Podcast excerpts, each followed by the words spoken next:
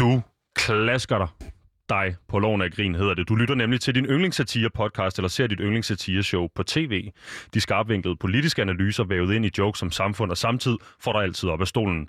Mellem jokes om magthaver og prisen på minimælk, bemærker du en joke, hvis punchline bygger på en fejlfortolket forståelse af en minoritetsgruppe. Og selvom den ikke var lige så sjov som den foregående vittighed, griner du stadigvæk. Det gør du, indtil du ser din veninde samle armene, og samle armene hedder det i et kors over brystet og skule til dig, Hvordan kunne du egentlig finde på at grine af den slags fornedrende joke, og så i disse tider? Du trækker på skuldrene, og lavmældt får du presset. Ah, det var bare en joke ud mellem tænderne.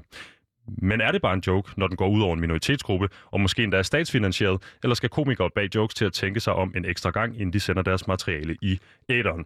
Goddag og velkommen til programmet Udråb, som i dag skal handle om satiregenren. Vi skal snakke om historien for det her begreb, intentioner, misbrug af humor, mediernes rolle, magtforhold og meget mere. For det har dagens gæst nemlig en holdning til. Hun er podcastindehaver, blogger, lærer, og så er hun ved at skrive speciale i pædagogisk sociologi. Velkommen til, Aya Benale Klej. Tak skal du have. Øhm, Aya, er satiren gået hen og blevet for politisk ukorrekt? Ja, det er, det er et godt spørgsmål, som, øh, som vi kommer ind på. Altså, nu synes jeg jo, at det her politisk ukorrekt også er blevet brugt øh, til sådan en latterliggørelse ofte af folk, som faktisk har en reel og øh, valid mening.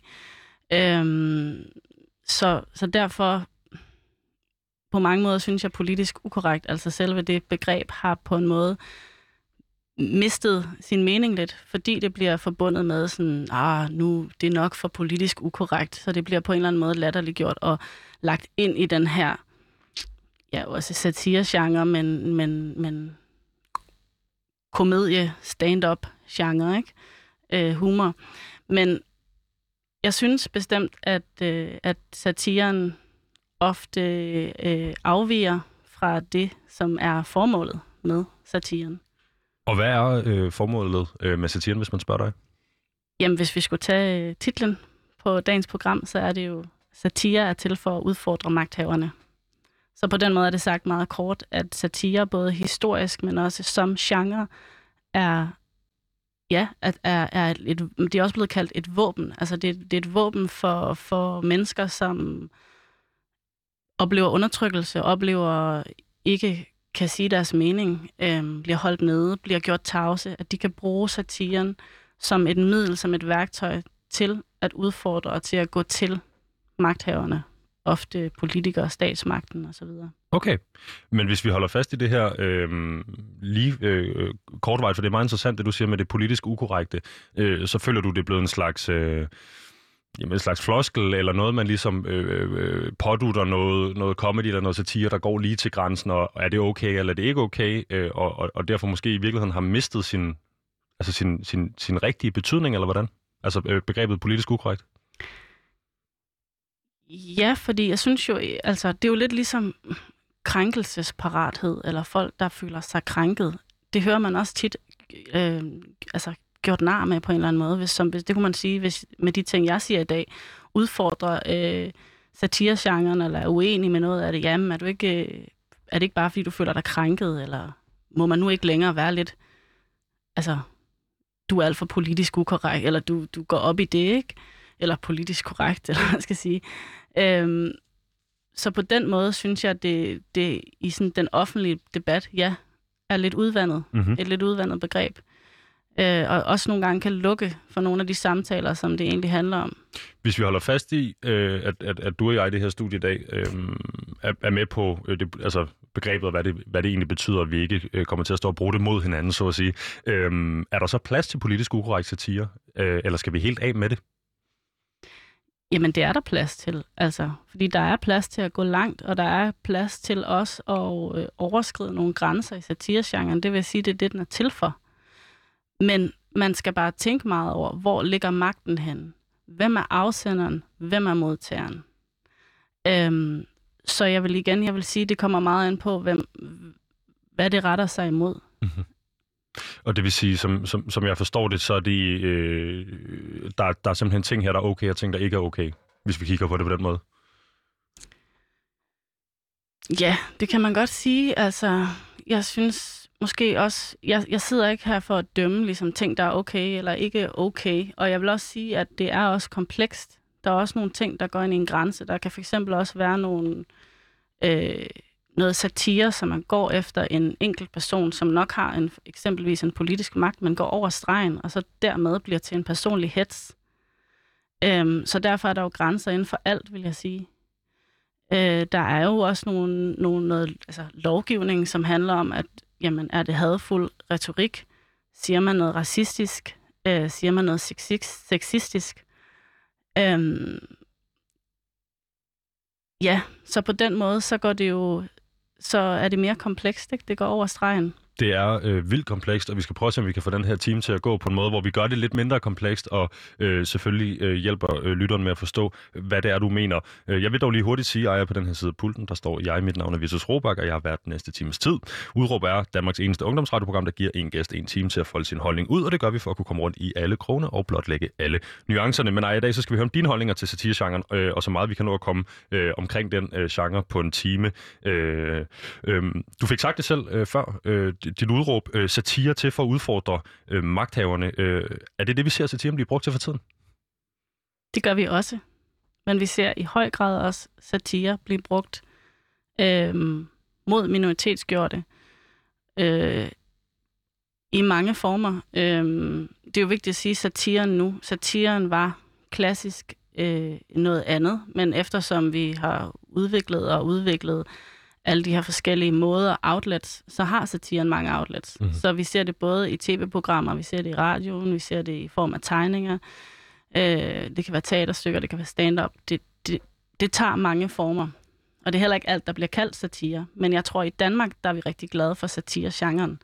Der er rigtig mange programmer, der promoverer sig selv på satire.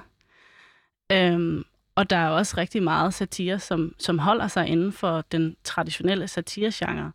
Men der er også rigtig mange, der er kommet op i den seneste tid. Det kan være, det kan være tegninger, satiretegninger i avisen, som vi også kommer ind på. Mm. Det er også programmer, som ligesom øh, Bruns Stue er der noget, der hedder Dansk Humor på DR, eller Dansk Humor gennem tiderne, jeg kan ikke lige huske det, men der er det i hvert fald sådan noget med, øh, hvad sker der, må vi gøre grin med minoriteter med mænd, der går i kjoler, står der, og sådan nogle mm-hmm. forskellige ting. Og der vil jeg mene, at der går man imod satiregenren og sparker nedad. Ja, fordi øh, vi skal kaste os ud i en lille smule øh, baggrund eller kontekst for det her lige om lidt, øh, altså i forhold til den her genre, hvad den indebærer, øh, hvad man i øvrigt bør vide om genre øh, helt generelt, før man øh, øh løfter det her spørgsmål. Øh, men jeg kunne godt tænke mig at spørge dig, om vi skal tilbage til de her gamle standarder. Øh, jeg ved, at dit perspektiv går hele vejen tilbage til det gamle Grækenland, øh, og hvor satiren opstår, øh, eller om vi skal udvikle os inden for de rammer, der ligesom er i, i, i det moderne samfund, og der, der hvor satiren ligesom er blevet hen, så at sige. Ja. Ja, altså først og fremmest vil jeg sige, at jeg er jo dansk lærer, og derfor er, er sådan noget genreforståelse ret vigtigt for mig. Det, det er der, man starter altid. Det kan man nok også huske, vi alle sammen huske. Og, og det kommer vi ind til lige om lidt, men jeg kunne, ja. godt, jeg kunne godt tænke mig, skal vi, skal vi sådan tilbage og ligesom finde ud af, første gang det her øh, begreb bliver beskrevet øh, tilbage i det gamle Grækenland, øh, er, det, er det der, vi skal lægge os? Er det, altså er det det, der er målet for os? Er det er det, det, vi skal stile imod? Eller skal vi simpelthen bare prøve at, at, at kigge på, hvad vi har i dag, og så prøve at fjerne de her fjerne de her, øh, øh, eller fjerne og fjerne, men i hvert fald have et opgør med øh, der, hvor satiren bliver brugt til at sparke nedad, for eksempel? Jeg mener altid, at vi skal gå tilbage i historien og forholde os kritisk. Og for at kende noget, så skal vi også vide, hvordan det opstod. Dermed ikke sagt, at øh, det er en eller anden statisk, fastforankret ting, fordi det har ændret sig, og det, det kan man også se, det har ændret sig gennem tiden. Det går tilbage til omkring 400-tallet før Kristi fødsel, så selvfølgelig har det ændret sig, og verden har ændret sig. Men jeg mener, man må tilbage for at forstå, jamen, hvad var, hvad var oprindelsen? Og så se på udviklingen. Ikke kun udviklingen, men også, hvordan er satiren så blevet brugt deraf. Og der ved vi jo eksempelvis fra historien, øh, at den er blevet brugt som en racistisk propaganda-satire under en verdenskrig øh, mm-hmm. af nazisterne over for jøderne. Så eksempelvis, hvis vi kigger det sådan på et meget, jeg tror, vi alle sammen kan være enige om, et meget øh, er forfærdeligt eksempel på, hvad satiren kan bruges til, jamen så kan man tage det med i dag og kigge på, jamen hvad sker der så i dag, når vi gør grin med minoritetsgjorte, som i forvejen er udsat for diskrimination og undertrykkelse i Danmark. Så på den måde kan man kigge på forskellige begivenheder tilbage i historien øhm, og forholde sig kritisk. Og så samtidig selvfølgelig være med på, at, at tingene udvikler sig. Det er derfor, vi hele tiden skal have en diskussion. Så det, du tænker, man skal have, man skal have det, øh, det historiske perspektiv med, øh, hvis man vil sige noget om det selvfølgelig, men, men, men, men, men vi bliver selvfølgelig også nødt til at forholde os til, hvor vi er henne i historien, og at tiderne skifter selvfølgelig, og vi er på ingen måde det samme samfund, som vi var 400 år før Kristi fødsel, øh, men der er selvfølgelig nogle ting, der vil gå igen. Det er vi ikke.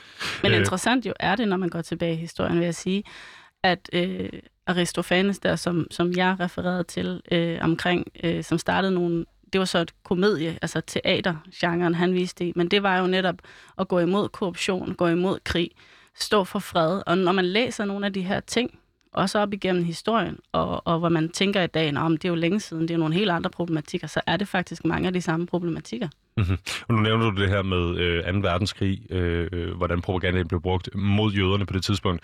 Øh, det kunne også være i, i øh, hvad hedder det, USA øh, fra omkring øh, midten af 1800-tallet og, og op efter med øh, de her øh, Jim Crow-tilstanden og, og karikaturer af sorte mennesker. Øh, det kan være øh, helt vildt mange forskellige ting. Altså, vi kender den jo nok bedst i dag, øh, øh, som sagt, som de her satireprogrammer, der findes på radio og tv, og så øh, øh, satiretegninger, karikaturtegninger i, i, i, i avisen. Øhm, men øh, lad os starte, hvor jeg har lovet øh, både dig og lytteren, øh, vi skal starte nemlig med den her, øh, det her genre, den her genre. For hvad er det, vi skal forstå om satiregenren for at kunne gennemføre det her program?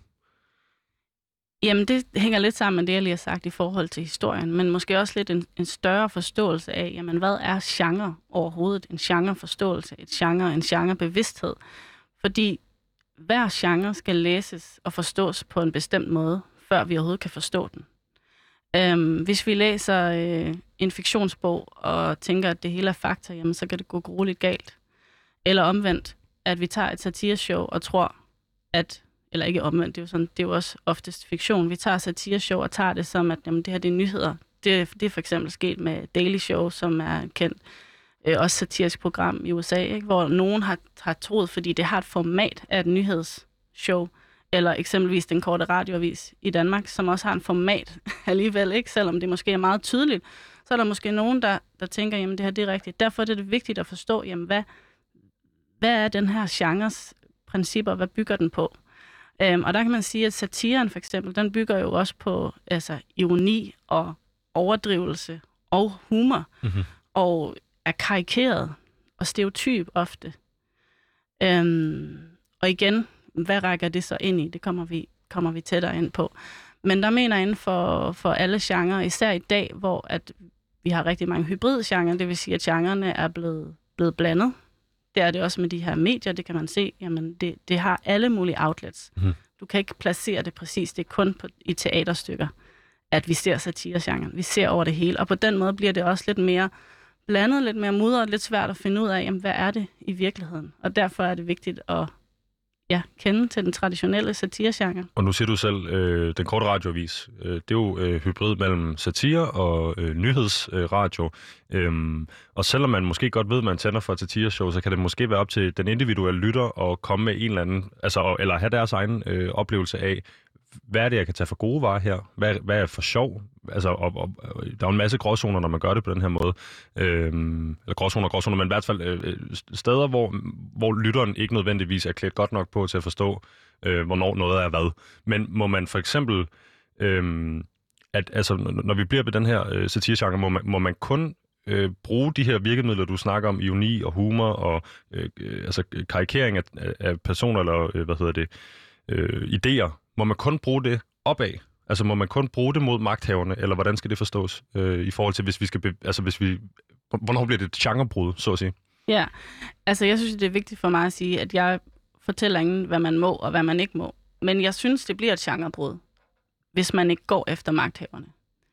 Øh. Hvis man går efter øh, ja, mennesker, der kan har magt, men især mennesker, som også er udsat for undertrykkelse og diskrimination i forvejen i samfundet via lovgivning, via fra statsligt niveau, øhm, så er det et genrebrud. Men i virkeligheden kan man sige, at det ligger også lidt i tråd med ytringsfrihed.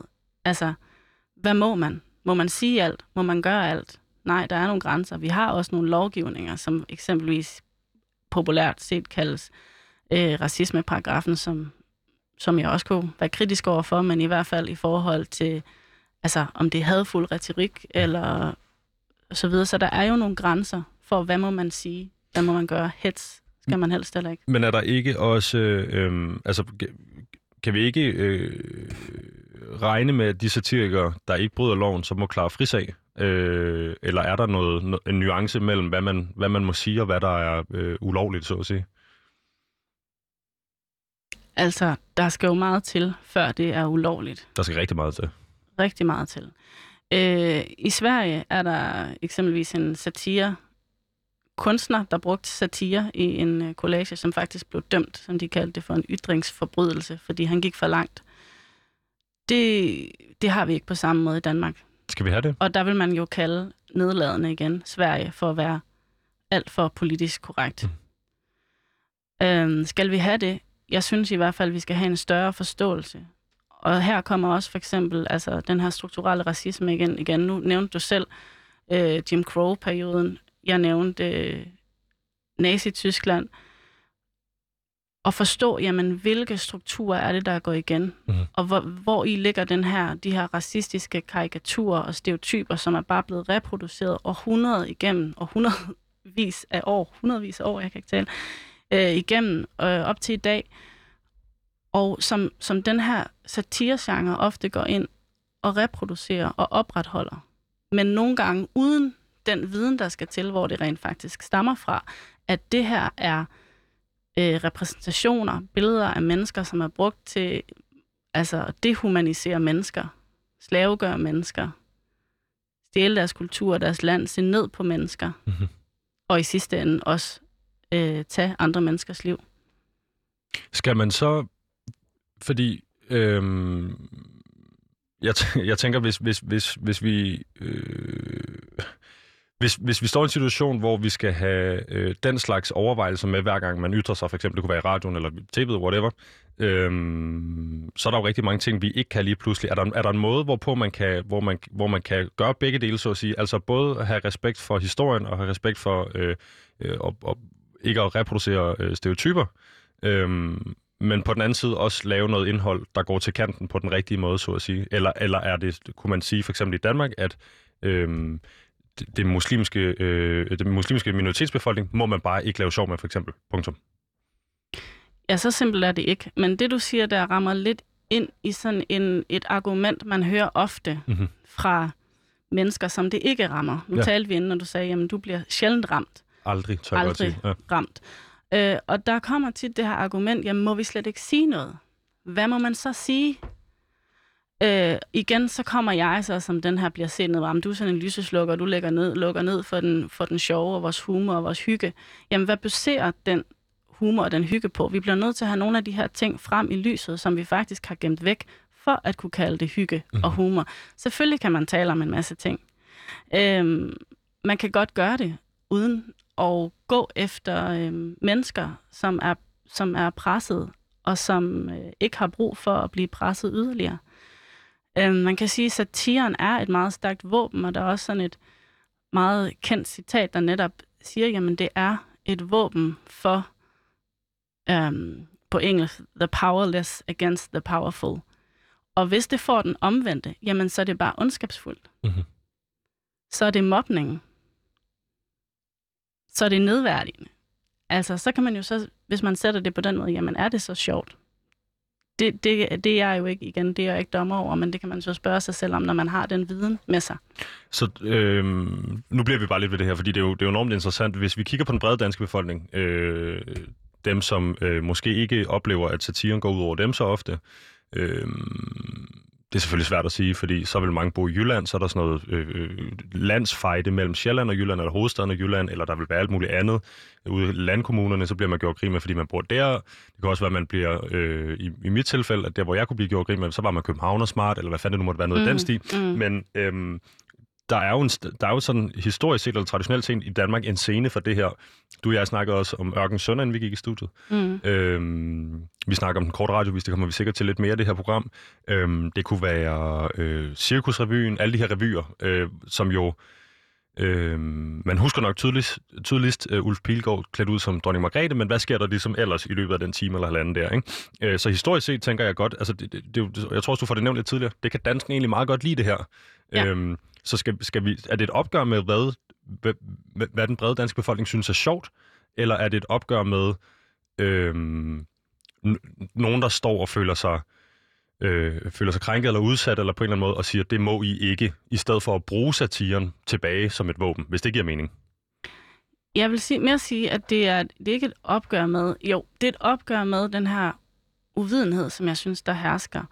Og øh, det er ikke at gå efter nogen på den måde, kan man sige, men, men det er en uvidenhed, som også er skabt via, at vi eksempelvis ikke har talt om vores egen rolle under kolonitiden, og vi i skolerne ikke lærer, altså vi bliver ikke undervist omkring, hvad er kolonialisme, hvad er orientalisme, hvad er strukturel racisme, Mm-hmm. hvad er diskrimination endda, hører vi meget sjældent om. Og de ting, den forståelse af, hvad det er, det ligger til grund for at kunne træffe de her beslutninger. Og som du sagde, må vi slet ikke sige noget. Mange af de her satireprogrammer, de er jo, de er jo grundigt forberedt. Det vil sige, de har tid til at reflektere over, hvilken vej de vil gå, og hvad de vil sende. Og der vil jeg så bare sige, at den her tendens til konstant at gøre grin med minoriteter, altså, det er på tide, synes jeg, at gøre op med den. Vi har jo taget rigtig meget fra USA, vi har jo taget rigtig meget fra den amerikanske popkultur, og meget af det ukritisk. Vi har taget re- øh, måden, vi øh, reklamerer på, musikkulturen, øhm, stand-up-kulturen. Men det er ligesom om, der har manglet nogle samtaler. Fordi ligesom de har haft samtaler i USA, og der har racismen jo været fuldt ude eksempelvis. Øhm, altså jeg mener, i offentlighed, til offentlig skue, og også dermed til, at man kunne, hvad skal man sige, dekonstruere, afmontere den, tale om den. Mhm. Jamen der har man jo for længe siden været bevidst om de her, hvad skal man sige, teknikker, og også været kritisk omkring, jamen det går ikke. Mhm. Den vej kan vi ikke gå. Og det interessant nok er det også, hvis, de, hvis man søger på satiregenren, så finder du meget lidt på engelsk, det er nok oftest amerikansk, britisk sammenhæng, noget som helst, som handler om, at satiren kan bruges til at sparke nedad. Hvis man gør det, så finder man de grælde eksempler omkring, som du nævnte, øh, Jim Crow, minstrel shows i USA, eller under øh, 2. verdenskrig, som en værktøj for nazismen. Okay, så vi, det, det jeg egentlig hørte dig sige er, at hvis vi... Øhm, lad os lave et lille tankeeksperiment her, og sige, at vi fra nu af sætter meget mere fokus på diskrimination og øh, systemisk racisme og øh, vores øh, kolonitid og alt muligt andet, så vil vi få en generation af danskere, der var opdraget sådan, at de her emner, øh, der tager udgangspunkt i, i, i, i det brede flertal over for minoriteterne, eller øh, måske bare isoleret set, hvad der kunne være i vejen med minoriteterne, og så udstiller det og gør sjov af det, øh, det, det vil dø ud, fordi vi vil være bedre klædt på til ikke at synes noget, der grundlæggende ikke burde være sjovt, så ikke er sjovt. Giver det mening, eller bliver jeg forkringlet der? Nej, det tror jeg. Det tror jeg simpelthen er vejen frem, fordi jeg har tænkt meget også over, at det her, der er tæt på os selv, det vi forstår, det vi mærker, jamen det har vi ingen, øhm, der, har vi, der, der er ingen tvivl om, at det synes vi ikke er sjovt. Altså hvis man skal kigge på det, så er der blevet skabt sådan en øh, normativitet omkring, hvad der er sjovt. Altså det er vi alle sammen enige om, det er sjovt. Men der er også nogle ting, vi alle sammen er enige om, som ikke er sjovt. For eksempel her under coronakrisen, der er meget få, som kan slippe afsted med at lave et satireprogram, hvor de gør grin med folk, der er coronasyge eller ligger på intensiv, mm. eksempelvis. Det kan være andre sygdomme, som vi er helt med på, at det ikke er noget, man som sådan laver sjov med. Det kunne også være, altså jeg samler ligner tit i forhold til, igen, øh, antisemitismen under 2. verdenskrig, og øh, det faktum, øh, jødeudryddelsen og jøder, der kom i koncentrationslejre, kunne vi forestille os, at vi lavede sjov med det? Mm. Kunne vi forestille os et satireprogram, der fremstillede, øh, lavede grin med en jøde med en, med en stjerne på, og, og lavede det fuldstændig karikeret, og vi vil grine af det? Nej, det tror jeg ikke. Jeg tror, alle vil kunne se, det er ikke sjovt. Men det, der, er nogle, der er nogle andre steder, vi ikke helt har forstået det, og kan oversætte det ligesom. Jeg tænker på, øhm, og jeg kan ikke huske, hvem fanden det er, der har sagt det, men en øh, psykolog, der har sagt, øhm, at vi gennem satiren kan, eller vi kan bruge satiren øh, til at, at, at håndtere fælles traumer i et samfund. Øhm, fordi hvis man kan grine af noget, så kan man tale om det. Hvis man kan tale om det, så kan man få det til at ligge i... i, i altså kan man få det, skulle til at sige, lagt i en kasse dybt ned. Det er ikke den rigtige måde at håndtere sine problemer på. Selvfølgelig, man kan fortælle om det, man kan få det vendt, og man kan få det overstået på en eller anden måde i hvert fald. Øhm, er der, er der, er der sådan, vil der være en rigtig måde, lad os sige, vi er i, i, i Danmark 1960'erne eller 70'erne, øh, er der, er, er der, er, vil det også være forkert der, så at sige? For, eller, eller skulle det handle om dem, der stod i vagtårnet i stedet for? Forstår du, hvad jeg mener? Øhm, hvis altså vi holder fast, jeg skal nok finde det Ja. citat. Øh, Men det, det, det skulle det nok, ja. Øhm, men igen, der synes jeg også, man skal skelne, fordi humor kan man bruge forløsende omkring alt. Og det vil man også kunne bruge omkring øh, livstruende ting og forfærdelige ting. Det, det, det er der også brug så for som en for, forløsning. Men satiren igen, når vi taler ind i den her ironi og sarkasme og de her stereotyper, øhm, så vil jeg mene, at det ofte går lidt over i en anden genre, hvor det netop bliver nedladende også. Altså, hvor det bliver en kritik, kan man sige. Man taler, man taler ned til mennesker. Skulle man helst tale ned til mennesker, som er på toppen, hvis det giver mening. Fordi grunden til, at satiren også er så magtfuld, også traditionelt før i tiden, det er jo fordi, det er noget, man kan gemme sig bagved.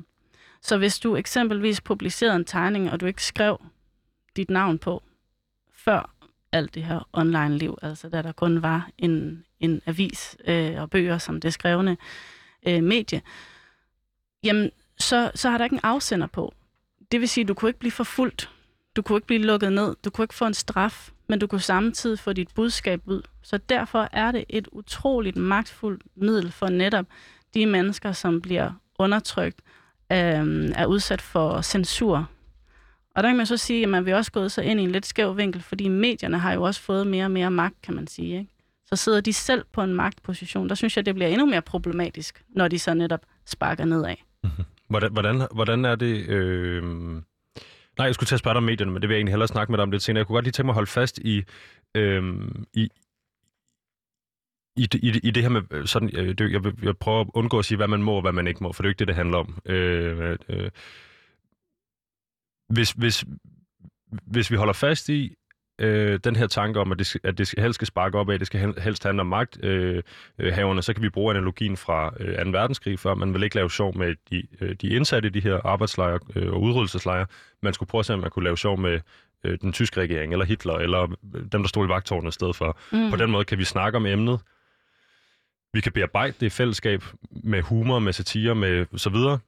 Øhm, men, men udgangspunktet, og, og den ligesom punchline bygger op omkring, eller payoffet bygger op omkring, er ikke, at vi skal grine af en, der har lidt, eller en, der har mistet, men vi skal grine af dem, hvor var de åndssvage, at de kunne finde på det her. Hvis vi så tager den og hiver den over i dagens samfund, så kan man sige, i stedet for at gøre grin med folk øh, ude i øh, de her øh, såkaldte ghettoområder, så skulle vi gøre grin med øh, de politikere, der står bag ghetto-lovgivningen, for eksempel. Er det, er det der, vi skal hen?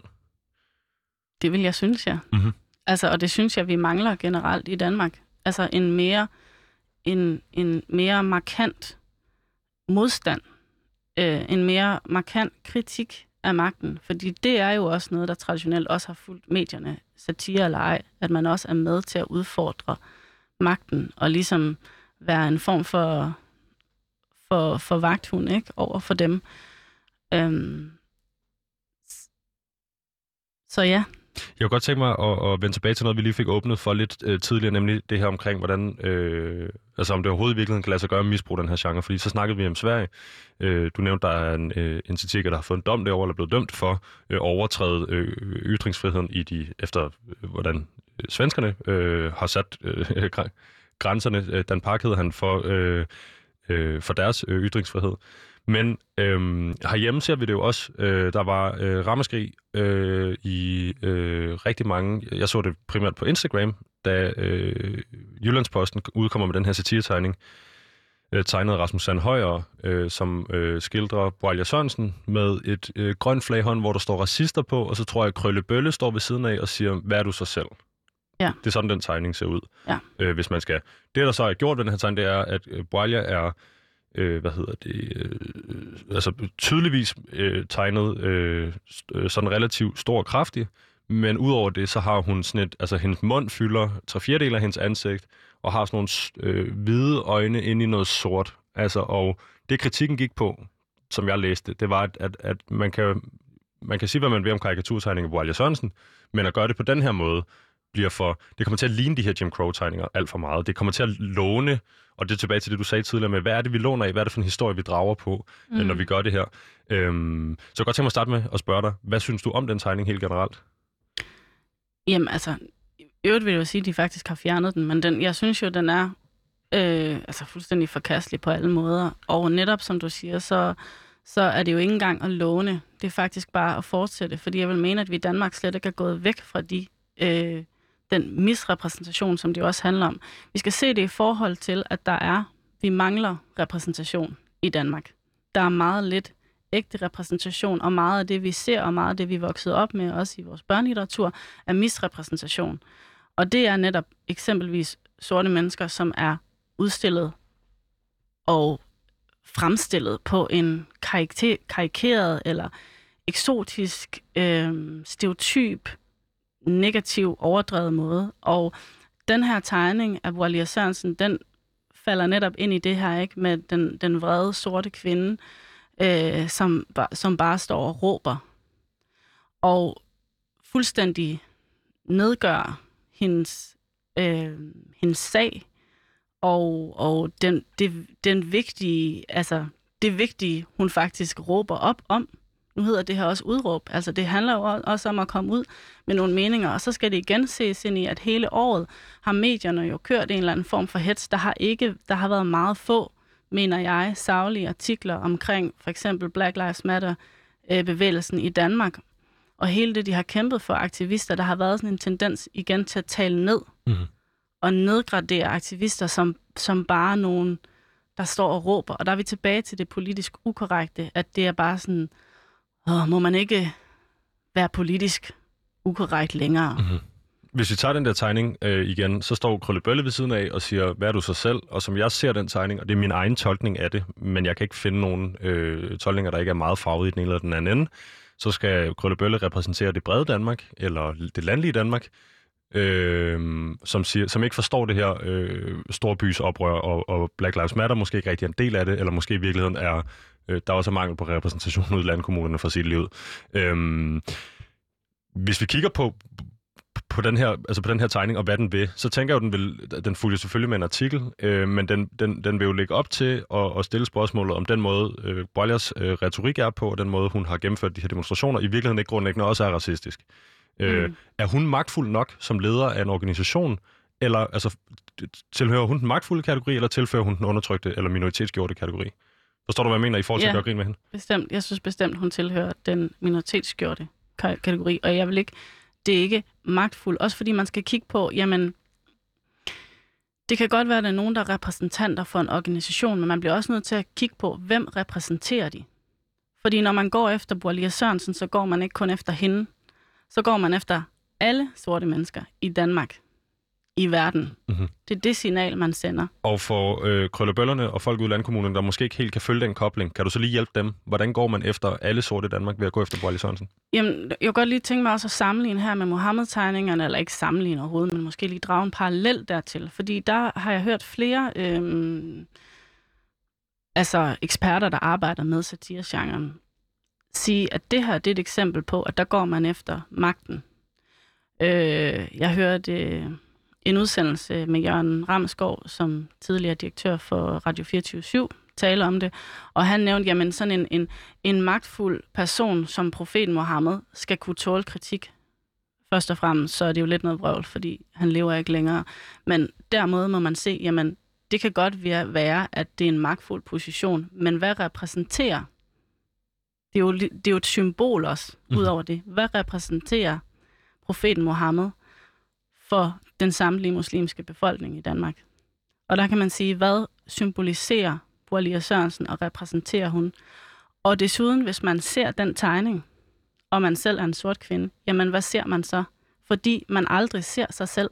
Man ser aldrig sig selv i mainstream media. Meget, meget, meget sjældent. Så ser du sådan en tegning, og det går jo lige ind fordi det er sådan, man har set sig selv repræsenteret igen og igen og igen, og man er blevet gjort tavs, man er blevet latterliggjort, man er blevet udsat for racisme dagligt i Danmark, og så ser man den her tegning. Derfor rækker det længere end hende som person.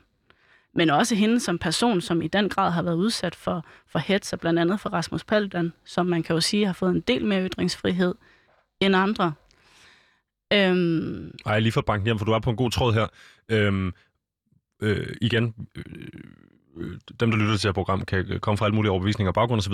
For en god ordens skyld, hvorfor er det, at man som minoritetsgjort, for eksempel sort kvinde, øh, skal vælge at åbne for Jyllandsposten og se den her tegning og spejle sig i den, hvis man kunne tænde for øh, tv'et og så spejle sig i Michelle Obama eller Oprah eller en eller anden total power, øh, powerhouse af en kvinde, øh, og, så, og så lave sin, lave sin, øh, sine spejlinger i, i, i nogle andre. Øh... Nu siger du det jo selv, nu kalder du, nu siger du Michelle Obama og øh, Oprah, de er jo ikke danskere. Mm-hmm. Det vil sige, så skal du tænde for noget, igen, amerikaniseret tv for at se en repræsentation af dig selv. Problemet er, at man får smasket det i hovedet. Altså, du, det, det er offentligt, og nogle gange får du det ikke i hovedet. Der får du bare fraværet af dig selv, fordi alt er hvidt. Så det vil sige, hvis du går i et supermarked, hvis du tænder for fjernsynet, hvis du åbner din Instagram eller åbner DR.dk, så vil det være altså, en hvid fremstilling, hvid repræsentation, du ser. Og når man så ofte møder sig selv i en misrepræsentation, og man så oven i købet ser, at den misrepræsentation, som jeg vil mene har foregået lige siden altså kolonitiden og frem, og vi stadigvæk ikke helt forstået, hvad går den misrepræsentation ud fra, den lærer sig også i mennesker, som ikke ser det. Det vil sige hvide mennesker, som ikke selv er udsat for det. Og hvad lærer det sig som? Det lærer sig som fordomme. Så når du som minoritetsgjort sort kvinde eksempelvis ser den her tegning, og samtidig er udsat for i det daglige de her fordomme, som bygger på racistiske fordomme, som de har læst i deres historiebøger, i deres børnelitteratur, i deres litteratur, og synes, at det er helt fint, fordi det har vi jo læst så mange gange, det er jo blevet reproduceret så mange gange, jamen, så, så kan man ikke bare tænde for noget andet. Fordi du kan ikke undgå det. Og du kan, og du kan sådan set heller ikke finde det andre steder i samfundet nødvendigvis. Nej, så skal, med... du, så skal du jo lede efter det. Altså, så skal du jo bevidst lede efter det. Men der kan man så sige, for eksempel med børn, øh, åbner måske ikke Jyllandsposten, men de får jo rigtig meget i hovedet via deres undervisningsmaterialer, via, via børnebøger, via ting, de åbner. Og der kan jeg jo tale for mig selv og mine egne børn. Det kræver rigtig ofte, hvis ikke altid, at jeg, jeg ser materialerne igennem. Øhm, for at undgå? En, Ja, for at undgå øh, racisme og misrepræsentation, fordi det kan godt være, at man ikke lægger mærke til det, men det eksisterer rigtig meget, øh, og især i børnelitteratur. Og man kan ikke skærme for alt, men det er bare en forståelse for, hvorfor man, hvorfor man ikke bare kan se væk. Mm. Jeg kunne godt tænke mig, øh, nu kommer vi lige ud af en, en, en lille sti her, men det synes jeg, du skulle have fået lov at forklare. Øh, Igen, fordi det er også en del af processen, øh, oplysningsdelen af det i hvert fald. Øhm, vi vender tilbage til Borlisson, vi vender tilbage til den her karikaturtegning, øh, Aja.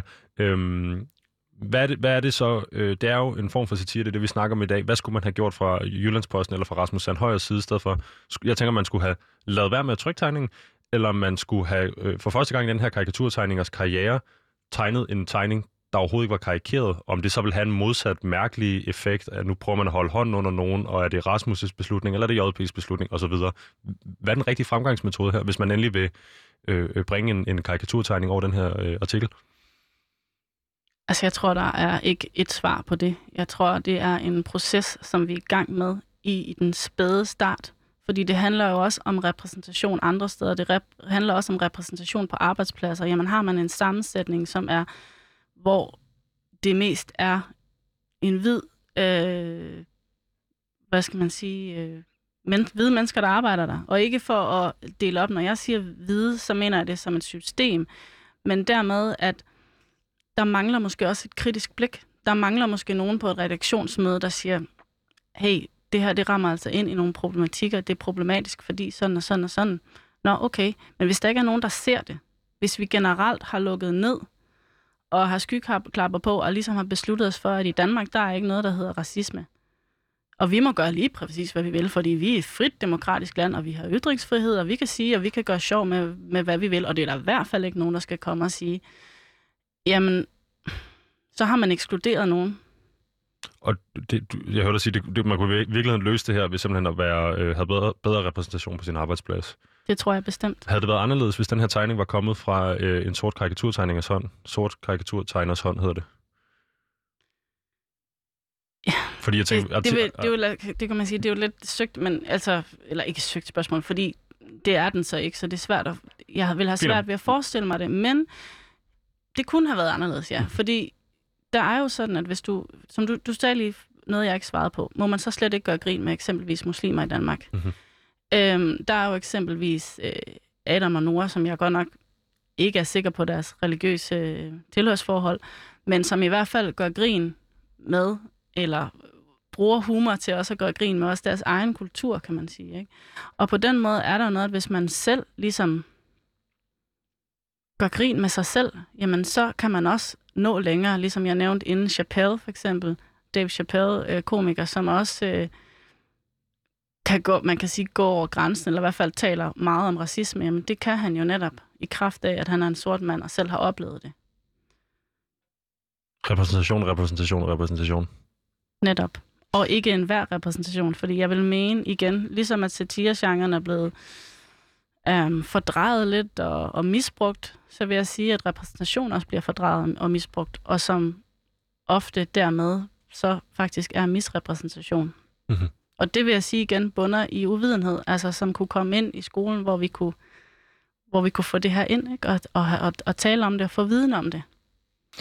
Noget af det, vi var inde på tidligere, det var det her med, hvor grænsen går. Øh, jeg kunne godt tænke mig, øh, jeg har et ret klart billede af, hvor, hvor du er sådan henne i grænseland, skulle jeg til at sige. Øh, men hvem er det, der skal bestemme, hvor den her grænse den går? Øh, igen, skal vi kigge længere mod, øh, eller mere mod Sverige og sige, det kan være en lovgivningsmæssig ting, eller skal vi lade det være op til de enkelte tilrettelæggere og producer på de her satireprogrammer, eller skal vi simpelthen vente de her 30 år til, at vi kan få uddannet en ny generation, der simpelthen bare ikke synes, at de her emner overhovedet har noget sjovt på sig, fordi de har det historiske kontekst med? Det er et godt spørgsmål. Øhm, jeg synes da bestemt, at øh, der, der er nogle ting, man godt kunne, kunne skæve til Sverige, og, og kigge på nogle af de tiltag, de har gjort, og de på, på mange måder længere fremme, synes jeg, i forhold til en reel snak om eksempelvis racisme. Det her, det rækker jo ind i andre ting. Men øhm, jeg, jeg, jeg tror, det, det handler om, det er, at når det så kommer, så er der lige nu kritik, men jeg, der kunne godt være mere kritik. Jeg synes, der kunne være mere modstand mod, når vi oplever nogle nogle satireprogrammer, som går over grænsen. At det ikke for eksempel så havde sine Molde noget, hvor hun gjorde øh, i den grad talt ned til LGBTQ+. Øh, Signe Molde ikke? på udebane. Signe Molde på udebane, ja. Udebane. Og der er det jo bare... Øh, jeg leverede også en kritik, men det, er jo, det kommer jo så fra de mennesker, som bliver udsat for det. Så det er en eller anden form for, at man skal så samtidig blive udsat for det, og så skal man samtidig også være den, der står imod, den, der kritiserer. Øhm, og så bliver man nogle gange udsat for en eller anden form for dobbelt overfald, dobbelt diskrimination. Ligesom eksempelvis øh, Sofie Linde, der først taler højt om det, om sine egne oplevelser omkring sexisme, og så derefter skal stå i et debatprogram, og igen skal kæmpe for det over for... Og der mangler vi i virkeligheden et trin, som er selve krænkelsen, der foregår tilbage i tiden. Det er jo en trippel et trippelovergreb det, i virkeligheden. Det er et trippelovergreb. Ja. Så sætter man fra i, i mediernes rammesætning ind, ind i et debatprogram sammen med Pia Kærsgaard og øh, Pernille Vermund, hvor hun så igen skal opleve et overgreb. Så der vil jeg gerne, kunne jeg ønske mig mere modstand, mere kritik, at flere går ind i den her kamp, og jeg oplever rigtig mange gå ind i det. Øhm, så det er egentlig det. Hvis vi kigger på Signe Molde på, øh, på udebaneprogrammet der, så... Øhm, øh, jeg så det, jeg synes, ikke, jeg synes ikke, det var sjovt, jeg synes, det var lidt skævt, og jeg synes i virkeligheden, det virkede som om, at der blev udnyttet øh, der blev udnyttet en zeitgeist i virkeligheden. Øh, når det så er sagt, så tror jeg, det fik en masse mennesker rundt omkring i Danmark til at snakke om det. Øh, jeg tror, det sikkert har sat i gang i en masse øh, bedstefædre, der har ringet til deres øh, børnebørn inde i øh, byerne og spurgt, hvad synes du om det her, eller whatever. Øh, det er jeg ikke i tvivl om. Det var øh, noget, vi gik og snakkede meget om øh, øh, i, i min vennegruppe, og blandt andet også herude på redaktion og så videre. Der, det startede samtale. Mm. Øh, jeg, jeg, jeg tænker ikke, at jeg får det til at sige, at øh, nedværdigende eller ned, fornedrende satire øh, kan undskyldes ved, at det starter en debat. Men er der ikke også et eller andet om det her med, når, når vi snakker om de svenske tilstande for eksempel, at hvis vi skuler for meget mod øh, at lovgive os ud af det, skuler for meget til at, ligesom at, øh, at sætte rammer og, og, og, og kasser op for, hvad man må og hvad man ikke må, så glemmer vi samtalen omkring det. Og der så eventuelt, altså du ved, så opstår der øh, øh, subkulturer, hvor det her så lige pludselig får øh, tilbage til Paludan-argumentet, mm. øh, om lad os for guds skyld få ham frem, så de her ting ikke ligger og brygger nede i, i internetfora og i, i, i klubhuse rundt omkring i Danmark osv.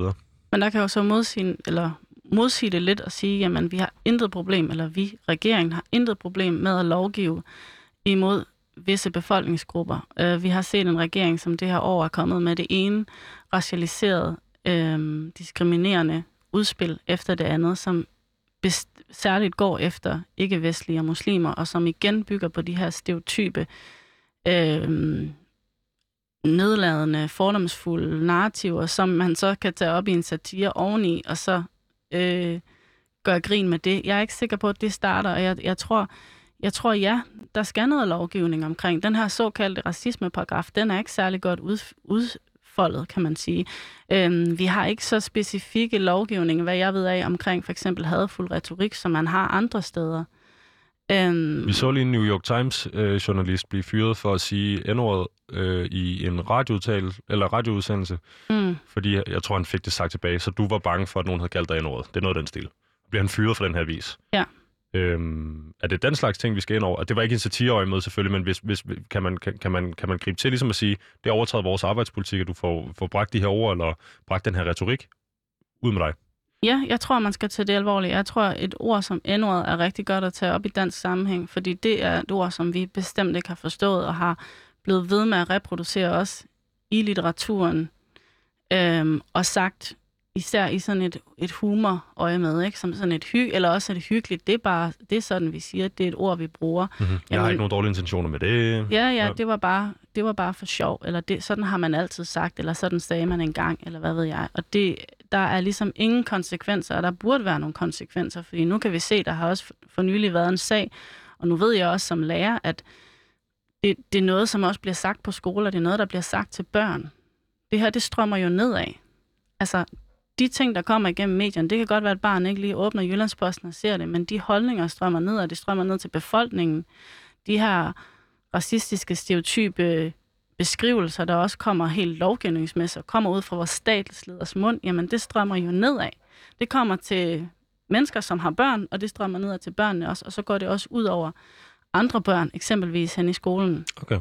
Så nu siger du noget interessant, jeg gerne lige kunne tænke mig at stille spørgsmål til, nemlig øh, hvis vi tager øh, statsministerens øh, dynejakke og guldure, mm. øh, så siger du, det er ligesom, øh, jeg skulle til at sige, trickle down, øh, det, det kommer fra toppen af samfundet ned, det kommer også til børnene, uafhængigt af, om vi åbner JP selv eller ej. Men øhm, har medierne så i virkeligheden en anden rolle, end at facilitere den gode tone i satireprogrammer ved at styre deres producer til rettelægger, eller har de også en rolle i forhold til, hvad det er, de vælger at, at fokusere på, og, og, og, og, og hvad det er for nogle historier, de vælger at bringe? Jeg synes bestemt, de har en rolle, og jeg synes, altså, i forhold til, hvad de, hvad de, hvad de bringer. Og de bliver nødt til at se på, jamen, hvordan er magtforholdet i Danmark lige nu? Øh, hvad er det, vi taler os selv ind i? Fordi den her, den her øh, med, at vi, vi også ofte hævder, jamen det er bare, vi er bare neutrale, vi er bare objektive. Jamen det er man ikke, og det kan man se, fordi at den her, de her diskurser, det vil sige den måde, mennesker taler på, den måde, vi skriver på, jamen det rækker ofte ind i en strukturel racistisk koloniale diskurser, som rækker langt tilbage, men det kan vi ikke altid få øje på.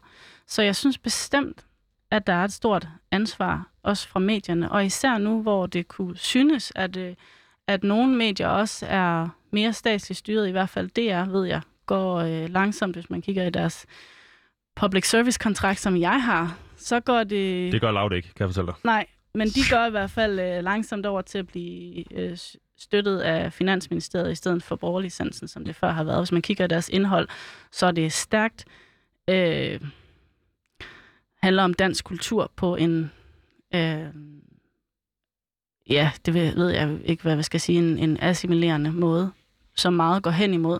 Så man skal jo være kritisk over, hvilken rolle har man. Og man har en større rolle, vil jeg mene i dag som medier, fordi man også er til stede på sociale medier, og det, igen, der er vi tilbage til genre. Jamen, altså, unge mennesker kan måske ikke altid gennemskue, øh, hvad er det her? Det er en nyhedsgenre, eller er det her, du ved, så har man DR, så har man DR P3, altså satire og nyhedsgenre, det, det krydser fuldstændig ind over hinanden. det kan godt blive problematisk. Mm-hmm. Ej, vi har fået snakket om, øh, man kan misbruge satiren, vi har fået snakket om satiregenren sådan øh, lidt mere, vi har fået snakket om øh, kortvejt her med om mediernes rolle, hvor grænsen for humor i øvrigt går og alt muligt andet. Jeg kunne godt tænke mig at, at, at bruge de sidste fem minutter af programmet øh, på, på, på at snakke lidt frem, frem i tiden, altså fordi øh, den primære ting, jeg egentlig vil tage med øh, herfra, øh, indtil videre i hvert fald, det er, at der også er tale om øh, uddannelse og oplysning af, af den brede befolkning du tror, at hvis man oplyser folk og uddanner dem omkring deres fortid og deres historie, så vil der være emner, der automatisk stopper med at være sjove, fordi hvordan kan vi grine af det? Altså, hvad kan det sjove være det? Øhm, er der andre løsningsmetoder, end at vi skal til at opdrage en hel generation anderledes, og så håbe på, at det bliver bedre om 50 år? Ja, igen vil jeg jo ikke øh, sådan kalde det opdrag. Jeg synes, det kan lyde lidt bedre vidende for mig at sige, at det, mm, folk er uvidende, men det er det på et strukturelt plan, altså fordi vi mangler de her undervisningsmaterialer, og de lærere, der står og underviser i det, vi ikke, altså, jeg er heller ikke blevet undervist, hverken i min folkeskoletid, eller heller ikke på lærerseminaret, om noget som helst, der har noget med dekolonisering, eller kolonialisme, eller orientalisme, eller strukturel racisme, hvilket jeg burde, fordi der er massiv forskning, der eksempelvis viser, at man som lærer også har de her indlejrede fordomme, som ja, igen strømmer ned til børnene og, og, og, og afgiver holdninger. Det hele, det hænger jo sammen på den måde. Så jeg vil sige, ja, vi skal have nogle bevidste ting ind, og jeg tror desværre, det bliver også nødt til at komme via lovgivning. Vi har ikke særlig meget støtte oppefra. Men, øhm, og nu skal jeg ikke, jeg har ikke tid til at udfolde begrebet antiracisme, som, som også skal forstås på et større plan end bare, når man, når man siger det. Antiracisme, men jeg vil mene, at vi skal have nogle antiracistiske handleplaner, eksempelvis ud på skolen. Øh, vi skal have en dekoloniseringsproces i gang, men før vi kan det, så bliver vi nødt til også at tale om, jamen hvad er kolonialisme? Hvad er de her negative stereotyper, fordomme? Hvor kommer det af? Hvad er orientalisme? Mm. Jeg skulle til at sige, at vi kan lave et helt program. Det kan være, at vi bare kan spørge drengene, der kommer efter os, om vi kan få deres team. Men øh, inden for rammerne her, så kunne jeg godt tænke mig lige at blive ved satiren, fordi noget andet, der også ligger sådan lidt i forbindelse med den samtale, vi har haft her, det er, at det er jo ikke op til dig og mig at vurdere, hvad andre mennesker synes er sjovt. Nogle mennesker Nej. synes, det her med at gå til grænsen er helt vildt sjovt. Øh, så kan man bruge Louis C.K. som eksempel, som snakker om, at det er noget med at skide foran hans døtre og sådan noget der. Det, det kan få folk helt op at køre. Det er jo sådan set ikke, det går kun ud over ham selv. Han har sådan en, en lidt blakket øh, person lige nu, mm. øh, må vi sige. Men øh, da du og jeg ikke kan bestemme, hvad andre mennesker må synes er sjovt, hvad gør vi så ved folk, der synes, det er grundlæggende sjovt, at noget er lidt, lidt farligt eller lidt så, lidt, lidt på grænsen i virkeligheden. Ja, så vil jeg bare spørge den person, hvorfor synes du, det er sjovt? Går det ud over dig? Det handler jo i virkeligheden og grundlæggende om en, en empati, og at kunne skifte perspektiv, som jo vil, empati vil sige, at man kan se det fra den anden sted. Mm-hmm.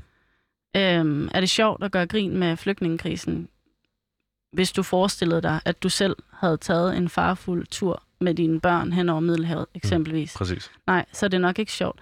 Så det handler jo måske om jeg at spørge synes, sig selv, ja. hvorfor synes jeg, det her det er sjovt? Jeg kan synes, det er enormt sjovt, hvis øh, jeg, jeg ryger cigaretter, øh, og prøver altid at stoppe med det, og er dårlig til det øvrigt. Jeg kan synes, det er enormt sjovt, hvis mine venner gør grin med mig i den kontekst.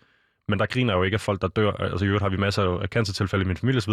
Jeg griner jo ikke af, af bedstemor og bedstefar, der, øh, der må lave livet for den her sygdom. Øh, det har de gjort det nu, 7 13 og alt muligt andet.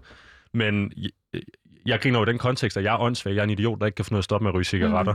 Mm. Øhm, hvordan skældner vi imellem de her ting? Altså, fordi jeg vil føle altid, at jeg vil kunne finde et, og vi har ikke så meget lang tid tilbage, men jeg vil altid kunne finde nogen, der går ud over, eller nogen, der er udsatte i de, i, i de her, øh, nærmest lige meget, hvad det er, der vi laver sjov med. Ja. Øhm, men, men der skal du, altså igen, det, det har jeg heller ikke tid til, men der skal du se det i, igen også i et intersektionelt perspektiv.